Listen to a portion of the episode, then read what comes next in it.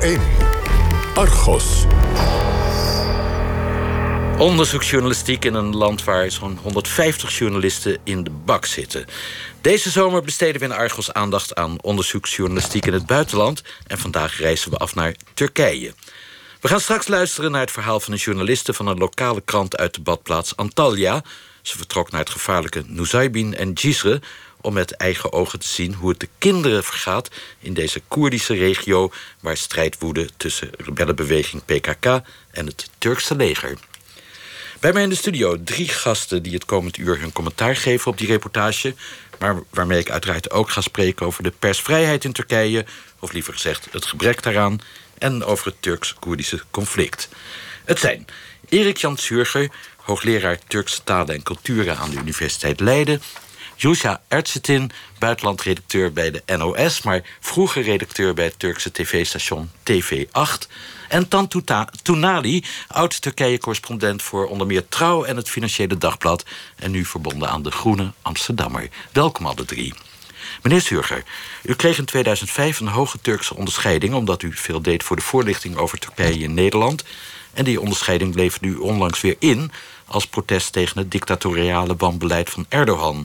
Ooit nog een reactie uit Ankara gekregen?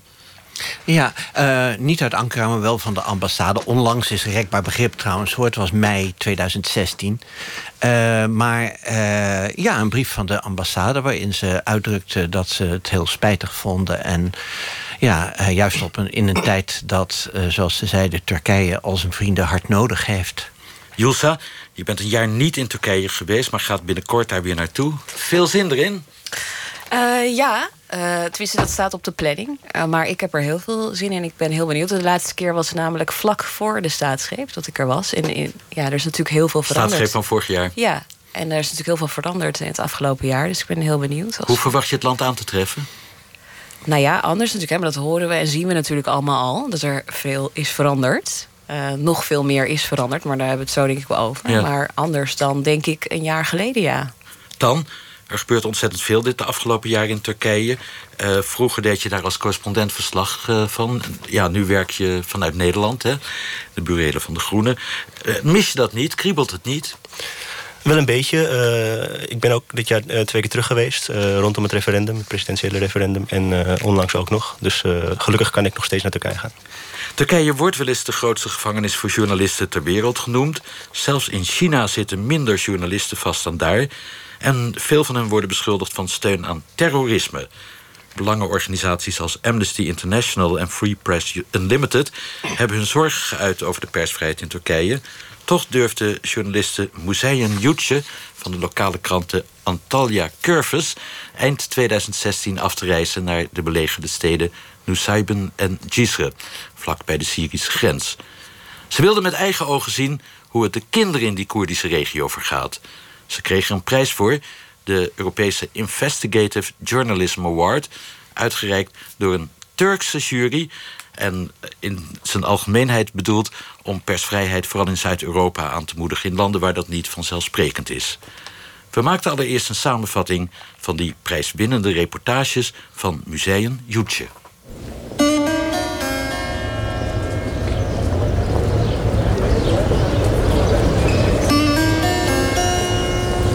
Nusaybin, de eerste stop tijdens mijn vijf dagen durende rondreis door het oosten van Turkije.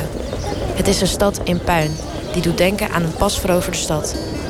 Het conflict is nu een deel van de bewoners. De uitgebrande auto's zijn speelplaatsen voor de kinderen geworden.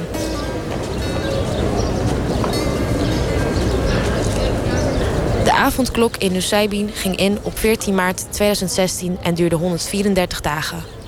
De hele situatie voelde onbehagelijk voor me. Een goede vriend van me woont in Nusaybin en hij en zijn familie zijn daar twee jaar geleden naartoe verhuisd om een nieuw leven op te bouwen. Het huis van mijn vriend en zijn gezin ligt in Yenishehir, een buurt die het zwaar te verduren heeft gehad tijdens het conflict. Ik stap ergens uit aan een zijweg in Nusaybin, rond een uur of negen s avonds. Het is te donker om elkaars gezichten te zien en op dat moment schrik ik van de stem die roept: Handen omhoog! Als ik richting de stem loop, zie ik de stopplaats voor de politie. De veiligheidstroepen nemen me mee naar hun tent. Ik word ondervraagd.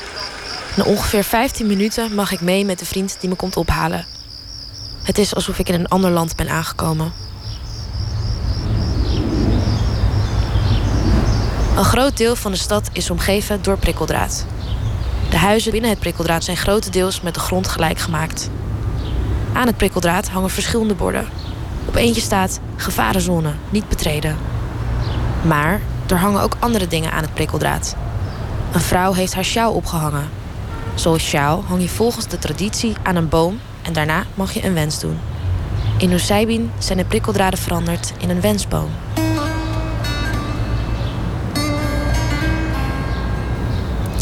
Zodra het donker wordt, vertrekt iedereen naar huis. Het straatverbod gaat eigenlijk pas om 12 uur s avonds in, maar de straten zijn daarvoor ook al niet veilig. Na tienen rijden de panzerwagens en zwaar bewapende voertuigen door de straten. Het lijkt alsof de regio net veroverd is. Hoe vreemd is dat? Dit is toch ook een stuk van Turkije? In Nusaybin is overal het bewijs te zien van een intens conflict. In bijna ieder huis zie je sporen van kogels. Alsof het de nieuwste interieurtrend is. Als we op een avond op de binnenplaats zitten, worden de geweerschoten steeds intenser. Ik schrik, want het voelt alsof er naast me wordt geschoten. De tienjarige jongen die in het huis woont zegt glimlachend: Ze zijn weer begonnen. Hij is gewend aan deze situatie. In feite zijn kinderen de grootste slachtoffers van conflicten hier. Hun levens zijn voortdurend in gevaar. En dat is de reden waarom ze niet naar school kunnen of veilig buiten kunnen spelen, zonder te vrezen voor hun leven. Het valt me op dat er in de wijk niet één echte speelplaats is. In de westelijke provincies kom je elke twee stappen wel een speelplaats tegen. De speelplaats voor de kinderen in Nusaybin is tussen het puin. En hun speelgoed bestaat uit takken, knuppels en speelgoedwapens. In deze buurt, die me aan een slagveld doet denken, spelen de kinderen niet met een springtouw of een bal. Ze hebben van de vervallen huizen en verbrande auto's hun speelplaats gemaakt. Ze hebben helaas geen andere keus. In alle tekeningen van de kinderen zijn wapens, panzerwagens, militairen en guerrilla's te zien. De zesjarige Mohammed heeft een guerrilla en een politieagent getekend die hun geweren op elkaar hebben gericht. En precies in het midden heeft hij zichzelf getekend. Als ik vraag waarom hij daar staat, antwoordt hij: Misschien schieten ze niet op elkaar omdat ik er sta, omdat ik een kind ben. Dat durven ze vast niet te schieten.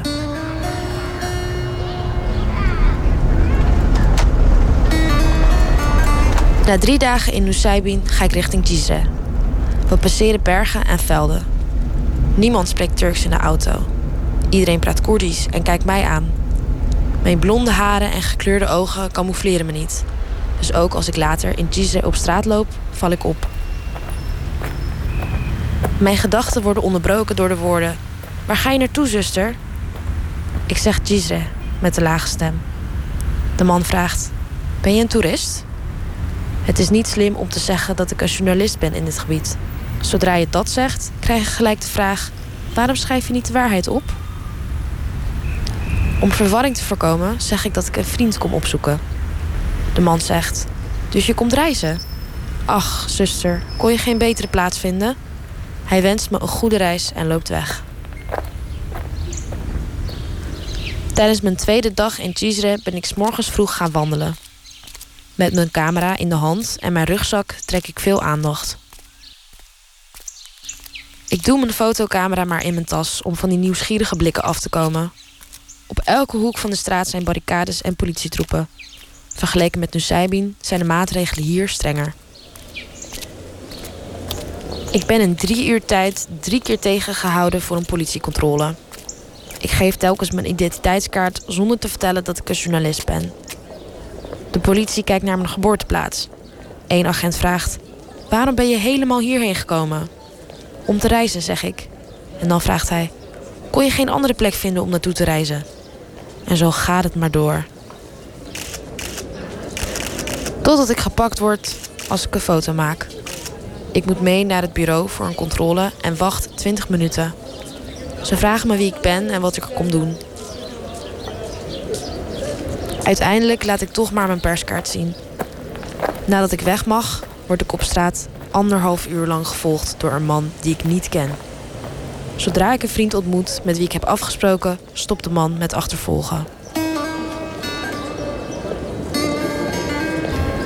Uit alle gesprekken met de kinderen was het meest pakkende en bloedstollende gesprek met de achtjarige Songyu. Het conflict heeft enorm veel invloed op haar gehad.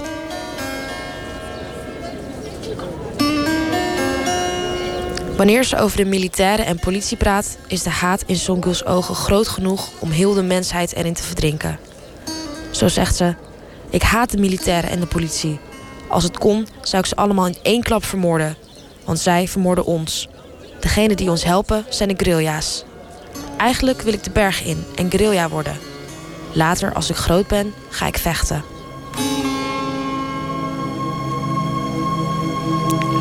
Verslag uit een gebied zonder kinderspeelplaatsen van de hand van de prijswinnende museum Joetje van de Antalya Curves. Hier aan tafel praat ik verder met Erik Jan Surger van de Universiteit Leiden, Julcia Ertjetin van de NOS en Tan Toenali van de Groene Amsterdammer. Tan, je bent zelf uh, tijdens en na de gevechten in 2016 ook als correspondent in deze regio geweest. De journaliste uit Antalya heeft vooral oog voor de kinderen daar. En ziet een nogal uitzichtloze generatie voor zich... die ja, dan maar één droom heeft, de bergen in en gaan vechten. Herken je dat beeld? Ja, een beetje wel. Het is natuurlijk heel tragisch. Uh, ja, ik ben in uh, Nusaybin geweest, in niet En ook verschillende malen in Diyarbakir. Uh, en toen de gevechten daar. Dat is de hoofdstad van het gebied? Ja, dat is de grootste stad in de regio. Uh, en uh, Koerders zien dat inderdaad zijn hoofdstad. Um, en daar ja, zijn, waren veel scholen gesloten. Uh, kinderen die wel naar school gaan, die, uh, die gingen inderdaad naar school. Terwijl op de achtergrond uh, gevechten hoorbaar waren. En dat is natuurlijk heel traumatiserend. En die kinderen hadden, net zoals de, het kind dat zij opvoert...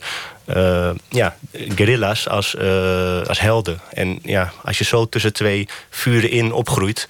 Ja, dan word je naar de kant geduwd. En dat is in het geval van de kinderen in het zuidoosten van Turkije... vaak de kant van de PKK. Je gaat zwart-wit denken. Ja, exact. Was het riskant om daar te werken dan? Um, ja, riskant. Um, ja, ik moet altijd, als het over persvrijheid in Turkije gaat, uh, aantekenen dat buitenlandse journalisten, wat ik natuurlijk was, uh, heel geprivilegeerd zijn ten opzichte van lokale journalisten. Uh, wat zij heeft gedaan is vrij uniek. Dat iemand uit een, een, krant in het Westen zo'n reportage maakt. Dat gebeurt eigenlijk nauwelijks in Turkije. En voor haar is het ja, wellicht vrij riskant geweest. Um, ja, ik heb natuurlijk altijd nog een Nederlands paspoort. Ik was ook geaccrediteerd. Uh, je wordt, net als zij in de reportage wel een beetje opgehouden. Van het kastje naar de muur gestuurd. Je moet soms even omlopen, een handtekening zetten. Maar ja, qua veiligheid is het, ja, als je goed oppast natuurlijk... is het wel te doen om te, daar te werken. We hebben naar aanleiding van haar reportage ook gebeld met Museum Jutje. Onze BNN-Vara-collega Sinan Jan interviewde haar... en vroeg haar of ze verrast was door de prijs die ze kreeg... de Europese Investigative Journalism Award. benim için tabii ki de sürpriz oldu. Aslında ilk etapta haberime çok güveniyor, çok güveniyordum. başvurduğum zamanda da. ja, natuurlijk was het een verrassing, zegt ze. En wat ik graag wilde is dat ik de kinderen een stem wilde geven met het artikel. Nou, dat is gelukt. Nou zijn ze heel erg gefocust op kinderen. En dat is ook de reden waarom ze naar het oosten van Turkije is afgereisd... waar op dit moment veel conflicten zijn, ook met Koerden. Was dit uw eerste ervaring in een conflictgebied? Zij was nog niet eerder geweest in een gebied waar uh, conflicten zijn of oorlog. Heeft u makkelijk kunnen werken in Cizre en in Nusaybin? Ee, rahat çalıştım aslında. Bu soruyu, soruyla çok karşılaştım. Hani oraya nou, ze vertelt dat ze dus geen moeilijkheden heeft gehad. En dat deze vraag vaak aan haar wordt gesteld. Ook uh, omdat het een gebied is waar natuurlijk conflicten zijn. Toen zij daar was in het oosten van Turkije, toen uh, werd zij ook heel erg geholpen door de mensen daar. Die hebben haar uh, gesteund uh, met het vinden van verhalen. Er wordt ook wel eens aan haar gevraagd van ben je bedreigd en geïntimideerd. Maar ze zegt dat dat niet is gebeurd. Dus ze kon gewoon rustig werken in Nusayn en Jizre. Daar vond ze het eigenlijk wel spannend. En dat kwam ook omdat ze zich een aantal keren moest melden bij het politiebureau. Ze hoefde niet op het politiebureau te. Ze hoefde zich alleen maar te melden en mocht dus gewoon haar werk doen. Dus ze zegt dat ze niet echt te maken heeft gehad met moeilijkheden. Heb je alles kunnen opschrijven wat je wilde of deed je aan autocensuur? Ze vertelt dus dat haar krant, de regionale krant Antalya Curves, haar heel erg heeft gesteund toen ze ging reizen en dit stuk heeft geschreven.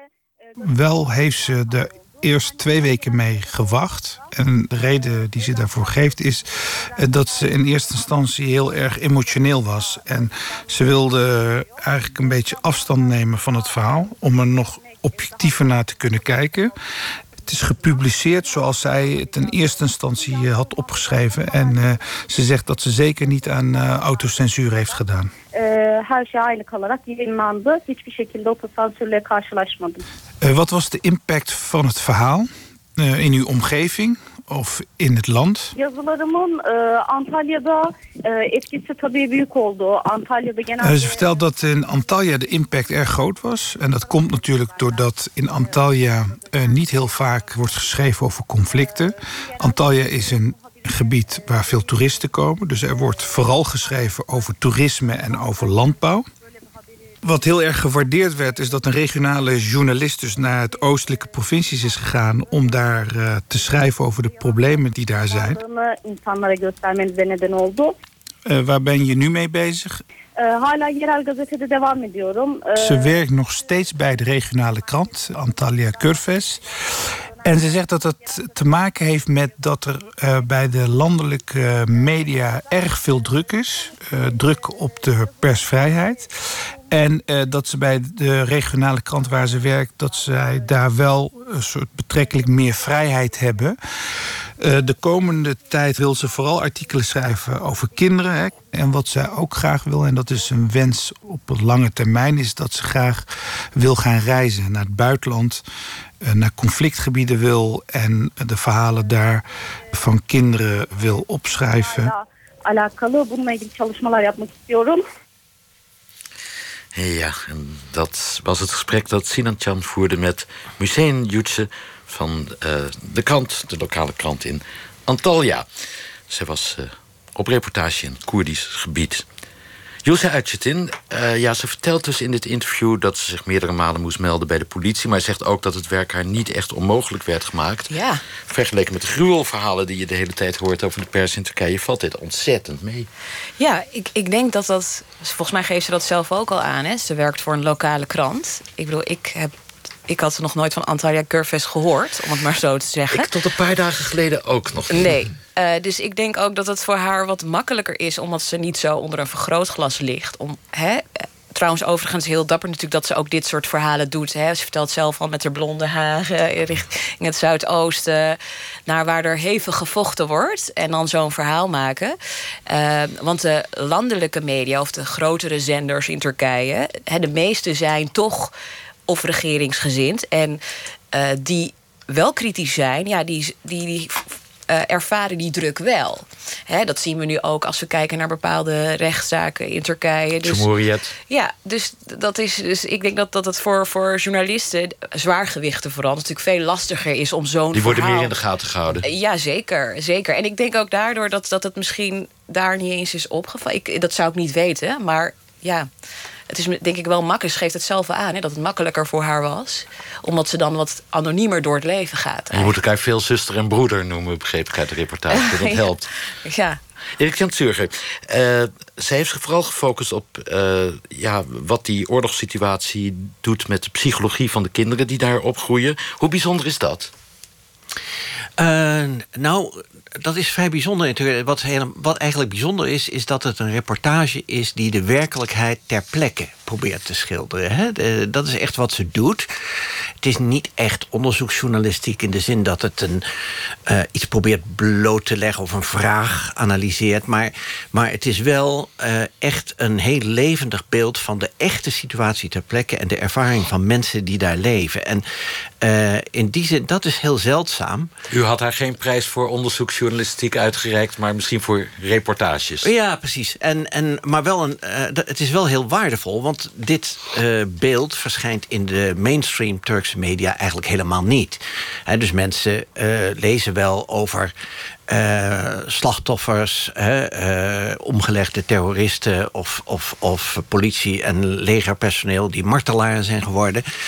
Maar daarin wordt eigenlijk de overheids uh, de overheidscommunicaties worden daarin gevolgd. Dus uh, dat je een, echt een inkijkje krijgt in de realiteit ter plekke... en wat het voor de mensen daar betekent, dat is heel bijzonder. En heeft u een verklaring voor Jutsa? zei er al wat over... maar dat zij zomaar uh, vrij en blij daar kon gaan en staan waar ze wilde... eigenlijk niet lastig gevallen is door de autoriteiten? Nou, er zitten een aantal dingen in haar voordeel. Dat ze voor een onbekend medium uh, daar was, dus nog niet op het radarscherm stond, speelt, speelt zeker een rol. Ze was een vrouw natuurlijk. In Koerdistan kennen dus... ze de Antalya Koerves misschien ook niet. Nee, nee zeker niet. Uh, dat ze een vrouw is, is ook denk ik in haar voordeel geweest. Want uh, je ziet ook wel een soort van paternalistisch beschermende houding... bij veel van de, van de mensen die zij ontmoet. Um, dat ze haar focus op de kinderen had. Ja. Hè, en niet zozeer op, laten we zeggen, de PKK of uh, de acties van het Turkse leger. Het zijn allemaal dingen die denk ik ja. wel meegewerkt hebben. Ja, je hoort dat ook in die reportage. Uh, dat, dat, dat, ze, dat ze vragen aan haar, wat doe je hier? Uh, en dat ze zegt, ja, kom je reizen. Hè? Dat ze, wat doe je hier als vrouw? Dat vragen ze natuurlijk ook meerdere keren aan haar in de reportage. Ja, en ook op een beetje een toon van... heb je geen betere gebieden in ja, de wereld? Omdat, ja, omdat er natuurlijk even gevochten wordt. Het is daar zeker uh, niet veilig als daar een uitgaansverbod geldt... en op straat gevochten wordt. Kan ik me voorstellen dat je daar als vrouw in je eentje... dat ze dat aan haar vragen, wat doe je hier? Dan, ja, jij was ook, als man. Exact, ja. dat is niet te ontkennen. Nee, ik wou nog toevoegen dat ook het feit dat haar krant... Uh, zoals ze beschrijft, haar gesteund heeft... denk dat het een belangrijke rol speelt. Want met mainstream media vaak niet het geval is. Uh, die werken weliswaar af en toe met uh, correspondenten in de regio. Maar het worden altijd puur, zoals Erik Jan ook zei... in het terreurframe geschoven. Ja. Dus het feit dat uh, haar werkgever haar gesteund heeft in deze reis... dat is ook uh, een belangrijk punt. Want dat gebeurt niet altijd? Vrijwel nooit. Dat is echt bijzonder. Ja. Ja, dat komt omdat... Jan Surger. Nou, kijk, die, die, de grote media die zijn vaak eigendom van conglomeraten... die dus op allerlei terreinen actief zijn. Hè, zeg maar ook in toerisme, bank, ja. uh, bouw. En uh, die kunnen dus heel makkelijk onder druk gezet worden. Hè? Als de media iets doen wat de overheid niet bevalt... dan kun je ze terugpakken in hun bankaire activiteiten... of in hun bouwvergunningen. En uh, ik denk dat deze krant, ik ken hem verder niet... maar dit lijkt me uh, niet dat dit... Ik vind wel dat we allemaal een abonnement moeten nemen. Ja, we, we zijn absoluut te onaardig over deze krant.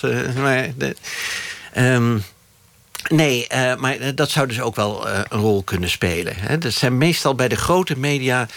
Uh, krijg je vaak druk van boven. Dan wordt er dus door de politiek wordt druk uitgeoefend op de zakelijk, op de eigenaars. En die drukken dan weer op de redacteuren uh, en hoofdredacteuren. En die drukken door naar beneden. En zo ondervinden journalisten heel vaak uh, erg veel druk van binnenuit. Dan, wat heb jij van die uitgaansverbieden in het gebied gemerkt? Uh, nou ja, als er een uitgaansverbod is afgekondigd in zo'n stad... wat verschillende malen in alle steden waar gevochten is gebeurd is... dan is hij gewoon dicht. Of bepaalde delen van wijken worden afgesloten. Dus zij is natuurlijk uh, en, naar de, uh, Nusaybin en Dizir gegaan... toen ze daar naartoe kon. En ik ben ook naar Diyarbakir en naar Nusaybin in andere steden gegaan... toen ik daar naartoe kon. En dan kan je relatief vrij rondlopen. Maar als het uitgaansverbod van kracht is... dan kan je überhaupt niet rondlopen. Dan kom je de stad gewoon niet in. En wanneer is er zo'n uitgaansverbod van kracht? Ja, dat, dat verschilt. Uh, zo worden ook wel in Nusaybin bijvoorbeeld zijn verschillende malen uitgaansverboden afgekondigd. Soms voor honderd dagen achtereen of langer. Uh, ja, dat is puur uh, ja, wat het leger en de autoriteiten goed dunkt. En dan wordt zo'n stad eigenlijk van de buitenwereld afgesloten. Juist. Laten we het onderwerp even wat verbreden. We komen straks nog wel terug op de perikelen van Turkse journalisten. Maar, maar even naar die regio zelf, wat daar precies aan de hand is. Meneer Surger, nou, het conflict is al heel, heel oud.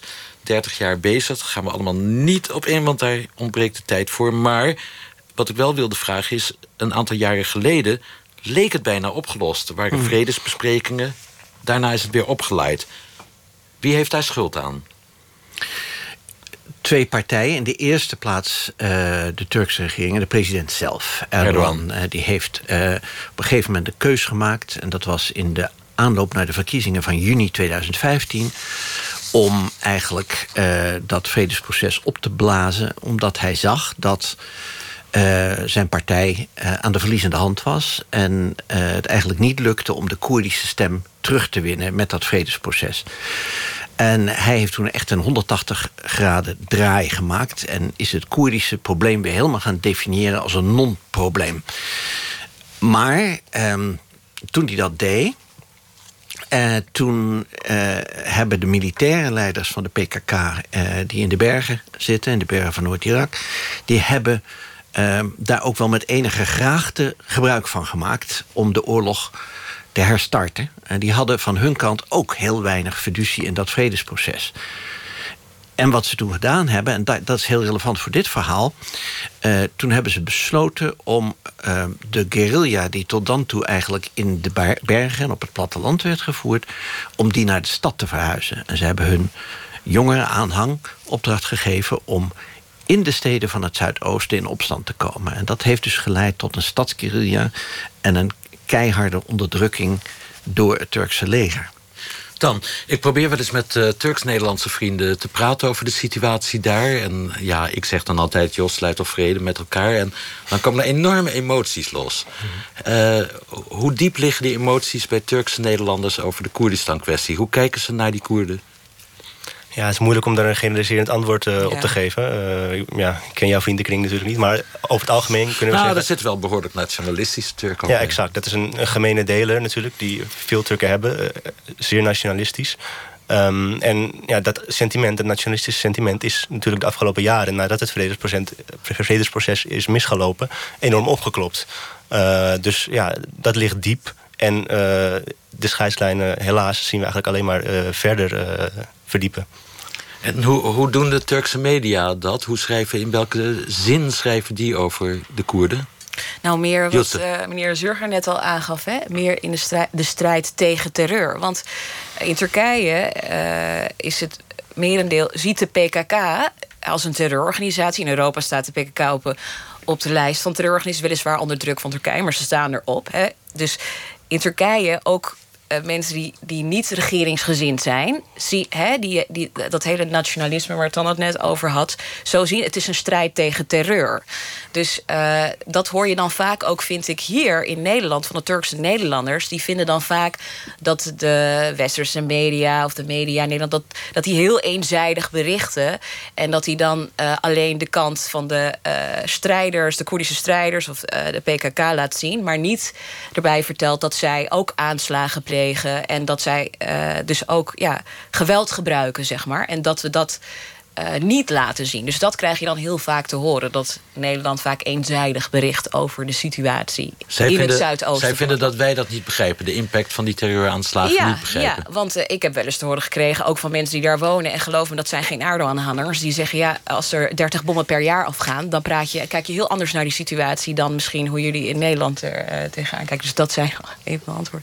Argos Internationaal praat vanmiddag met Erik Jan Zurger... Tan Tunali en Julcia Ercetin over de persvrijheid en de onderzoeksjournalistiek in Turkije. NPO Radio 1. Argos.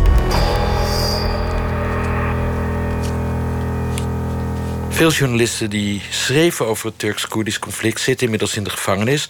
Maar dat is niet de enige reden waarom je als journalist in Turkije achter de tralies kunt belanden. Toen twee Turkse journalisten onthulden dat de Turkse geheime dienst wapens naar Syrië smokkelde, haalden zij zich de woede van president Erdogan op de hals. Op het kantoor van hun krant, Cumhuriyet, worden Gül en Dündar vereerd als martelaren van het vrije woord. Ze zijn opgepakt nadat ze onthulden dat de Turkse geheime dienst wapens naar Syrië smokkelt. Nu zijn ze aangeklaagd op beschuldiging van spionage... en het omverwerpen van de Turkse staat. Dat soort onderzoeksjournalistiek, dat is in Turkije echt helemaal van de baan. Want dat is heel erg gevaarlijk. Tegen de journalisten Dündar en Gül is levenslang geëist. Dit zou volgens critici niks minder zijn dan een poging om onafhankelijke media het zwijgen op te leggen.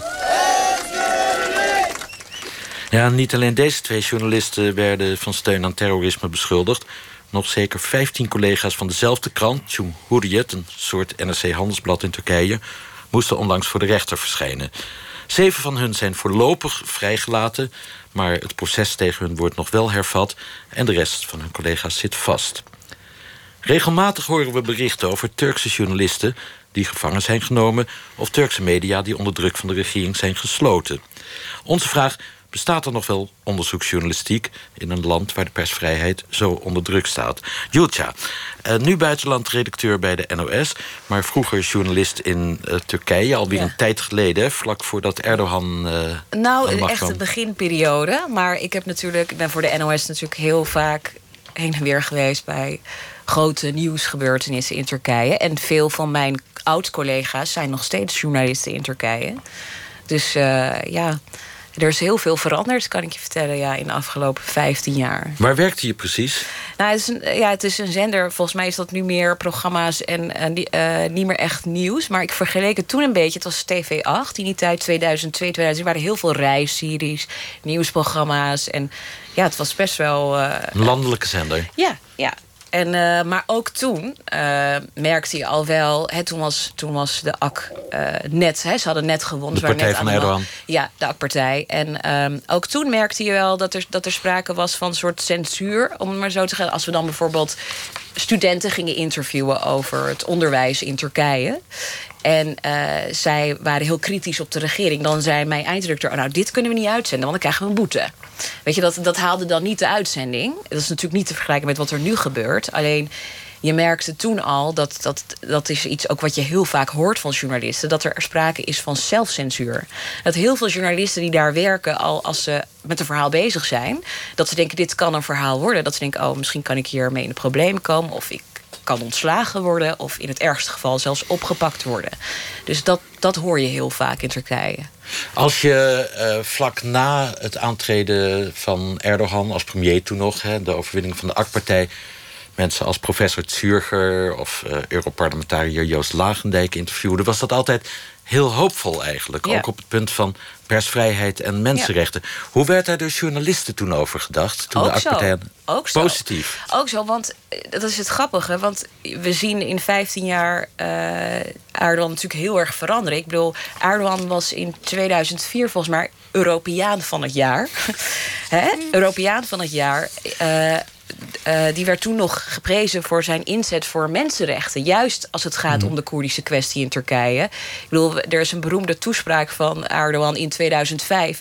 dat hij juist de banden weer aanhaalt met de Koerden. In 2005 mochten Koerden weer in hun eigen taal praten. Dat was tot, toen, tot 2005 verboden. Dus ja, er waren juist heel veel aanmoedigers van... He, eindelijk een hervormer. Maar ja, goed, wat er vanaf 2005 tot nu is gebeurd... is natuurlijk ja, een wereld van verschil. Dan, dacht je, is er ooit een moment geweest dat jij ook dacht... het gaat onder Erdogan eigenlijk de goede kant op?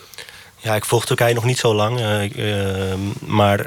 Jij volgt het sinds het de verkeerde kant op gaat eigenlijk? Ja, ik, ben, ik heb in 2010 daar, ben ik daar als student uh, geweest. En ja, toen waren, was er een, een grondwetsreferendum. en toen waren er al ja, geluiden die deden waarschuwen eigenlijk... Ja. tegen ja, de ontwikkeling die we nu zien. Toen kwam het Gezi Park demonstraties ja, dat was ook Hard nog onderdrukt. Een, dat was ook een hoopvol. Ja, er zijn verschillende keerpunten aan te wijzen. Maar Gizerpark, dat was toevallig net toen ik daar kwam... was nog een hoopvol, uh, hoopvolle beweging. En uh, professor Zuger uh, refereerde net aan de verkiezingen van juni 2015. dat was eigenlijk in de navolging van de Gizerpark-protesten... een verkiezing waarbij de AK-partij zijn meerderheid voor het eerst sinds ze aan de macht kwamen kwijt is geraakt. Uh, maar daar hebben ze iets gevonden. Gelijk weer nieuwe verkiezingen uitschrijven. Exact. Nou, en dat is, heeft heel erg uh, te maken met de situatie in het Zuidoosten ook. Uh, de HDP, een ja, pro-Koerdische partij, die ja, deed als partij mee, heeft de kiesdrempel voor het eerst gepasseerd... waardoor de partij zijn meerderheid verloor. Maar toen barst dus die oorlog los... en het ja, daarbij uh, komende nation, loskomende nationalistische sentiment. En dat, ja, heeft de AK-partij weer over de streep getrokken. Nou, en daarna hebben we gezien dat uh, Erdogan zijn macht uh, ja, verstevigd heeft. Kun je zeggen, het is een beetje een complottheorie... maar kun je zeggen dat Erdogan met opzet die oorlog tegen de Koerden weer op gang heeft gebracht om alsnog de verkiezingen te winnen en de absolute meerderheid te halen? Nou, ik denk dat professor Zuger net uh, precies verwoord heeft hoe het zat. Uh, er waren twee partijen, de Turkse staat, de Turkse regering en, en, en de PKK... die er beide belang bij hadden of, ja, om de strijd weer te hervatten. En we kun, ja, dat zou niet de uitspraak zijn die ik als journalist zou kunnen doen... om in het hoofd van Erdogan te kunnen gaan zitten kijken. Maar ja, het is duidelijk dat beide partijen belang bij hebben gehad om de strijd te hervatten. En die, die Koerdische parlementaire partij, HDP, waar ik het net over had, die, ja, daar zitten inmiddels een dozijn parlementariërs, waaronder de partijleiders vast. Dus ja, die is totaal gemarginaliseerd. Ja, die is slachtoffer daarvan geworden. Erik Jan Zurger, sinds de mislukte koep van juli 2016, waar we het net over hadden heeft de regering volgens berekeningen 45 kranten gesloten... 16 tv-zenders, 23 radiostations en 15 tijdschriften... omdat ze banden zouden hebben met de islamitische geleerde Fethullah Gulen... maar soms ook uh, omdat ze banden zouden hebben met de PKK. Ehm, hoe, kan dat zomaar gebeuren? Kan Erdogan zomaar zeggen van... nou ja, dit uh, radiostation bevalt me niet, die sluiten we? Uh, ja, dat kan, want um, de, de, terreurwetgeving in Turkije is heel erg elastisch. De termen waarin die gesteld is, is heel, zijn heel breed. En je kunt dus aangeklaagd worden voor steun aan terreur zonder lid te zijn van een terroristische organisatie. Dat is heel breed. En bovendien, uh, daarbovenop, is sinds vrijwel de dag na de staatsgreep, de mislukte staatsgreep, is de noodtoestand van kracht, de uitzonderingstoestand. Uh, waaronder de regering per decreet kan regeren en decreten de kracht van wet kan geven. Dus het korte antwoord is gewoon ja, dat kan. En die noodtoestand is laatst weer verlengd ook. Ja, ja, ja. ja. En kan nog een tijdje duren. die, die zou natuurlijk nog heel goed kunnen doorduren tot het presidentieel systeem 2019. Uh, werkelijk ingevoerd is in 2019. Hilsa, uh, je beschreef net dat in de tijd dat jij bij TV8 werkte... je ook af en toe op je woorden moest passen. Maar je zei dat is totaal anders dan, nu. Hoe is het nu?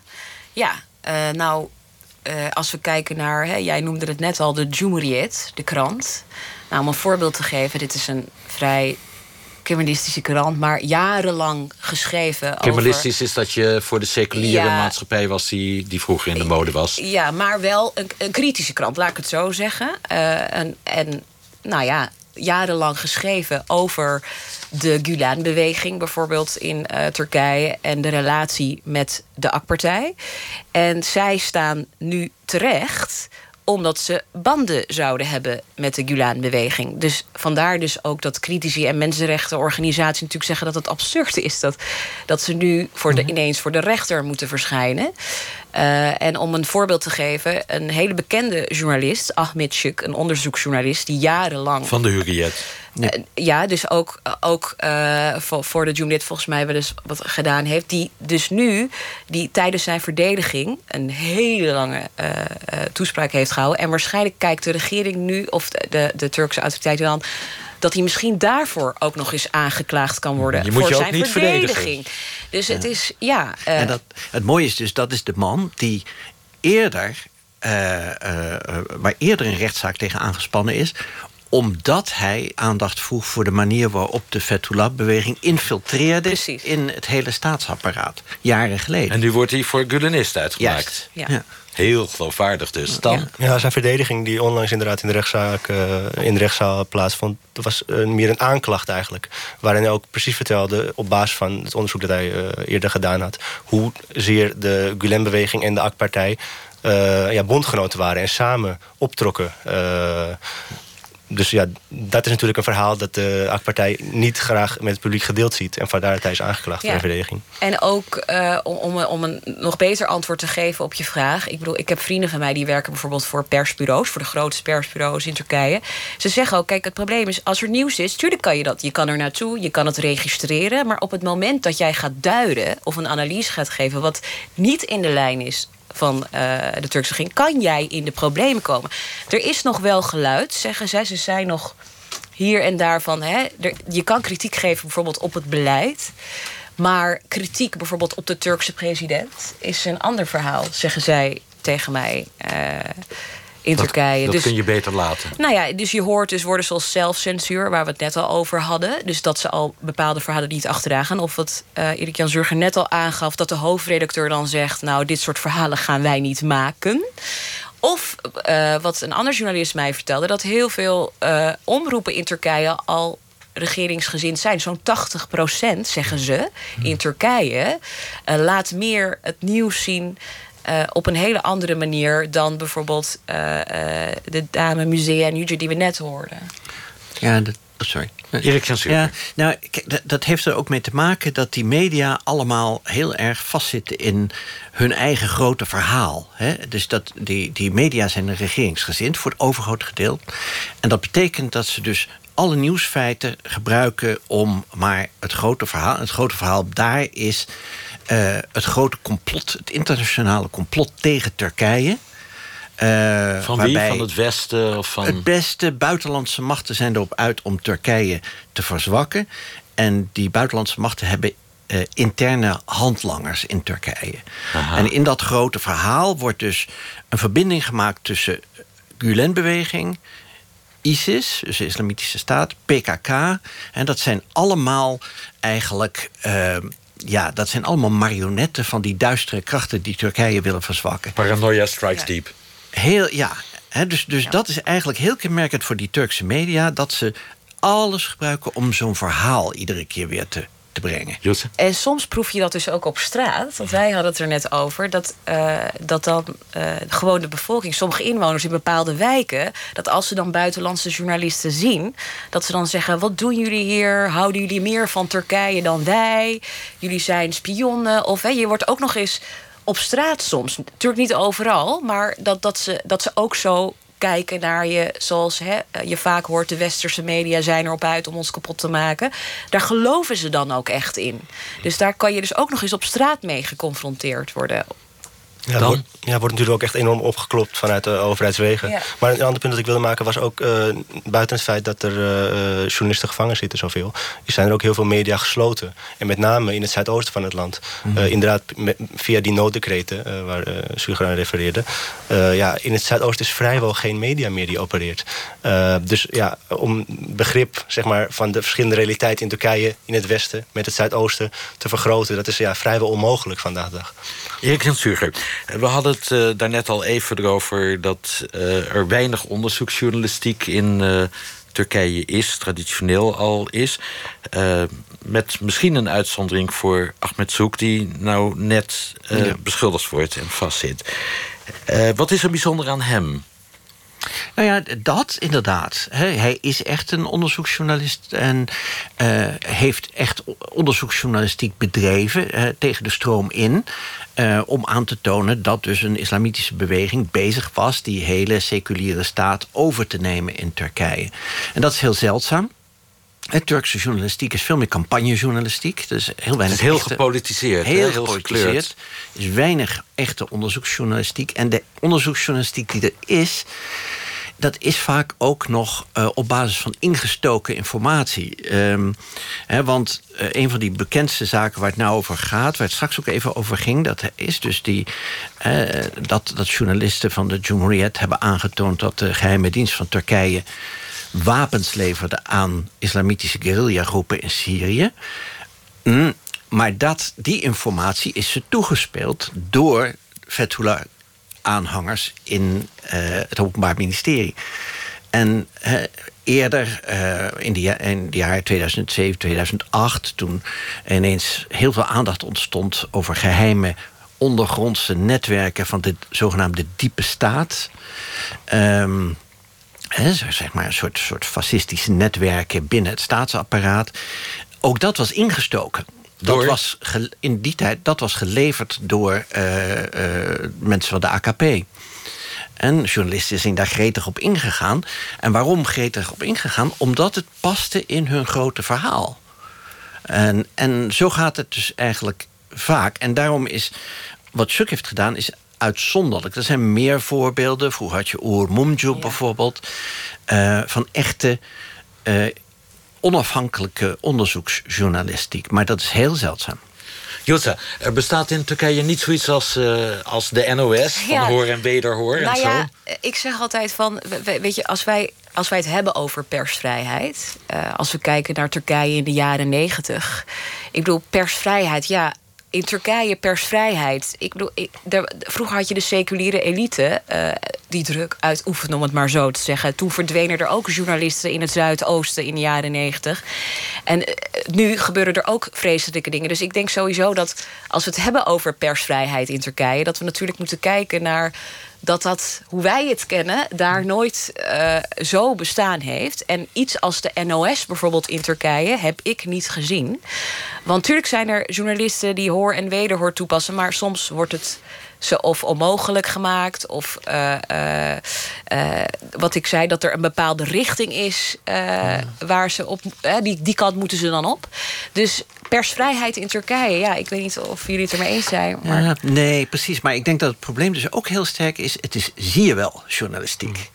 Zowel van links als van rechts, van seculier als van islamitisch. Het gaat erom aan te tonen dat wat je toch al dacht, waar is. Ja.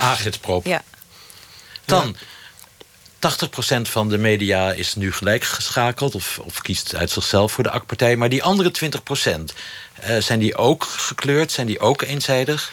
Ja, ik herken me heel erg in het beeld dat hier naast me geschetst wordt. En ik, ik zou het nog een positieve schatting uh, 80-20 uh, willen noemen. Het is erger.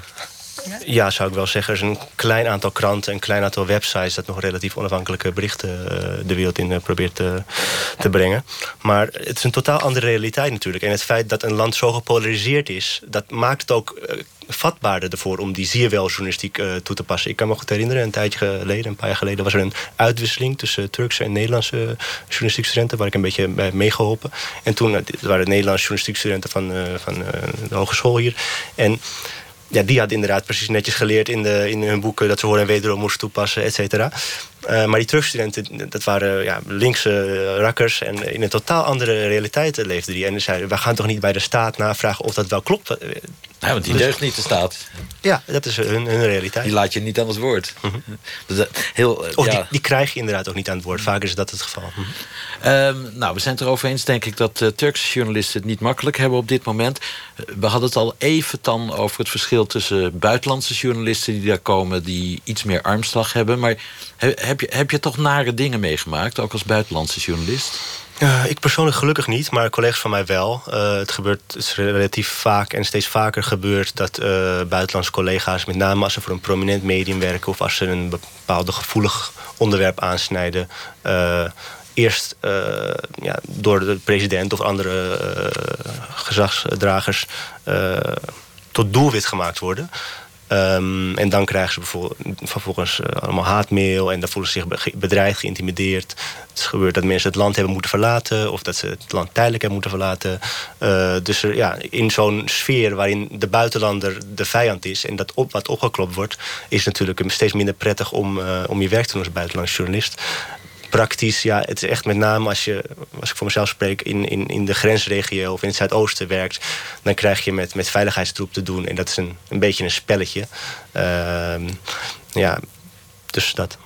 Julza, uh, je bent uh, de laatste jaren een paar keer met correspondent Lucas Waagmeester... en uh, voor Nieuwsuur met Jan Eikelboom... Ja op reportage geweest. Ja. Wat, wat, wat voor dingen maak je daar dan mee? Nou, uh, het meest opvallende vond ik met Jan Eikelboom, verslaggever Jan Eikelboom, in de wijk Bajalar in Istanbul. Dat was volgens mij vlak voor de verkiezingen. Wat ik net al een beetje schetste, is dat, uh, dat ze ineens heel erg boos werden. We, we gingen gewoon een beetje een soort sfeerverslagje maken. Uh, en ze dachten dat uh, verslaggever Jan Eikelboom dus een Duitser was. En niet dat hij uit Nederland kwam, dat hij daar dus aan het liegen. Ik weet niet hoe dat was ontstaan, maar hij liegt. Hij is een Duitser, hij is geen Nederlander. En, Hebben ze nou, nog meer tegen Duitsers dan tegen Nederlanders? Nou ja, op dat moment wel. Want die Nederlanders zijn wel nazaten ja. van fascisten volgens uh, Erdogan. ja, maar op dat moment was het volgens mij ook iets met Duitsland aan de hand. Ik weet niet meer wat. Merkel maar, was weer boos geweest of zo. En, en uh, nou ja, dat kregen we toen te horen. En het was vlak na, de, na het vrijdagmiddaggebed. Dus het was er al druk op het plein. Maar op een gegeven moment werd het best intimiderend. Dat zie je ook. Hè. Die reportage is toen ook uitgezonden. Komen ze echt om ons heen staan. Ja. En uh, eentje staat echt zo klaar met zijn hand om uh, Jan aan te pakken. En wij werden echt helemaal richting onze taxi begeleid. Met schelden en weet ik veel wat er allemaal achteraan. En ik probeerde uit te leggen. Goh, we willen gewoon met jullie praten. Wat jullie wat, wat jullie vinden van de verkiezingen. En het ging heel goed. Totdat er één, en zo gaat dat dan meestal, dan zegt de één: Oh, eh, wat doen jullie hier? En dan gaat de rest erin mee of zo. En dat was heel agressief, heel... Uh, ja, je voelde je daar op dat moment. Ik voelde me daar inderdaad niet op mijn gemak daar uh, toen. En dus... zijn dat gewoon de boze burgers of zijn dat ja. geheime agenten? Of... Nee, dat zijn gewoon, dat zijn echt oprecht uh, Turken die dan echt geloven. Die, die zeggen dat dan ook tegen je. Van houdt hij meer van het land dan wij? Wa waarom is hij hier voor de. Wat interesseert het jullie? Nou, de verkiezingen in Turkije. Ja, nou, we zijn journalisten, daarom zijn we hier. Maar goed, dat kan je dan daar op dat moment... die agressie is dan zo aanwezig, dat, dat kan je niet... En dan kun je niet gewoon zeggen, we zijn gewoon Nederlanders... we zijn van goede wil, we willen alleen bloemen ja, en eieren. Ja, dat probeerden oh, nee, we ook. Eieren, we willen dat alleen bloemen we ook. Hoor. En het verschilt misschien... Uh, ik, ik vond het zelf vrij intimideerd. Jan, die, die had daar helemaal geen... Die, die, die, die komt natuurlijk vaker uh, dit soort dingen tegen natuurlijk. Omdat hij het al jaren doet. Maar het was gewoon heel opmerkelijk hoe ze met, echt met tientallen mannen zo om je heen kwamen staan. En zo boos werden eigenlijk. Omdat we gewoon heel vragen wilden stellen. Goh, de verkiezingen komen eraan. Hè, uh, wie gaan jullie stemmen? Dat soort vragen. We naderen het eind van deze discussie. Uh, het moeilijke vind ik van het onderwerp is dat uit nou, de uitzending nu ook blijkt dat die geschiedenis van pers Breidel zo oud is. Van ver voor de tijd van de AK-partij. Het is nu erger dan het was. Maar uh, het, het, was er. Het was er ook in de seculiere tijd. Komt dat ooit goed met de Turkse pers? Krijgen we ooit wel een vrije pers? Krijgen we ooit wel vrije onderzoeksjournalistiek, Erik-Jan Surger? Nou, ja, dat hangt... Kijk, dat kan niet losgezien worden natuurlijk van hoe de maatschappij zich als geheel ontwikkelt. Uh, dat, ik denk dat wanneer je uh, een, een, overgang zou hebben naar een meer open maatschappij, een maatschappij waarin zeg maar de, een veelheid van meningen getolereerd wordt. Of überhaupt eigenlijk de gedachte dat mensen het legitiem met elkaar oneens kunnen zijn en dan toch goede burgers kunnen zijn. Uh, dat heb je nodig voordat er echt een, uh, een vorm van dat soort persvrijheid kan zijn. En daar zijn we in Turkije heel erg ver van af. Um, er zijn op een aantal momenten in die afgelopen halve eeuw. Uh, moment, zijn er momenten geweest dat Turkije zich in die richting bewoog. En dat is iedere keer weer de kop ingedrukt. Zo'n periode beleven we nu ook weer. Dat die geleidelijke overgang naar een burgermaatschappij eigenlijk weer helemaal uh, gestopt wordt. En dat is een aantal keren gebeurd. En dat is een beetje de tragiek van Turkije. Dan, heb jij hoop dat er ooit een ja, volwassen, onafhankelijke, kritische Turkse pers ontstaat? Ja, je zou het inderdaad in een historisch perspectief moeten, moeten zien. Turkije kent natuurlijk een hele lange autoritaire traditie... en daar hoort de pers bij. Maar ik zou me weer bij uh, de woorden van Erik en Zuger willen aansluiten. En ja, op momenteel is daar niet veel hoop toe. Uh, kijk, iedere uh, regering komt en gaat. Deze regering is ook op een dag gaan. Maar onder welke omstandigheden dat gebeurt... en wat voor maatschappij die nalaat... ja, dat is moeilijk te voorspellen. Maar feit is wel dat er inderdaad momenteel verre van een open maatschappij in Turkije bestaat. Jutta, hoe lang duurt het nog, hoeveel decennia... voordat Turkije nou, een objectief iets als het NOS-journaal nou, kent? Ik, ik, sluit me, ik sluit me bij de heren aan. Want het is, ja, het is de, hè, de polarisatie, wat we zien in het land... welk kant het... We weten het niet. We, we, we hebben wel een idee natuurlijk, wat er allemaal gebeurt. Maar... Uh, zolang hè, uh, op belangrijke momenten uh, de eensgezindheid in het land, waar ik Jan Zurger net over had. Ja, dat, dat, ik vraag me dat af, uh, want er, er, gebeurt zoveel. Turkije blijft wat dat betreft voor mij. hoe dan ook, misschien onvoorspelbaar. Maar hoe het er nu uitziet, ja, het, is, het, is, het, zijn, het zijn zware tijden voor journalisten. Het zit nu op een dieptepunt. Ja, dat weten we pas als het niet dieper kan. Ja, ja. ja nou. Dit vind ik een wijze afsluiting van deze uitzending, professor Zurger.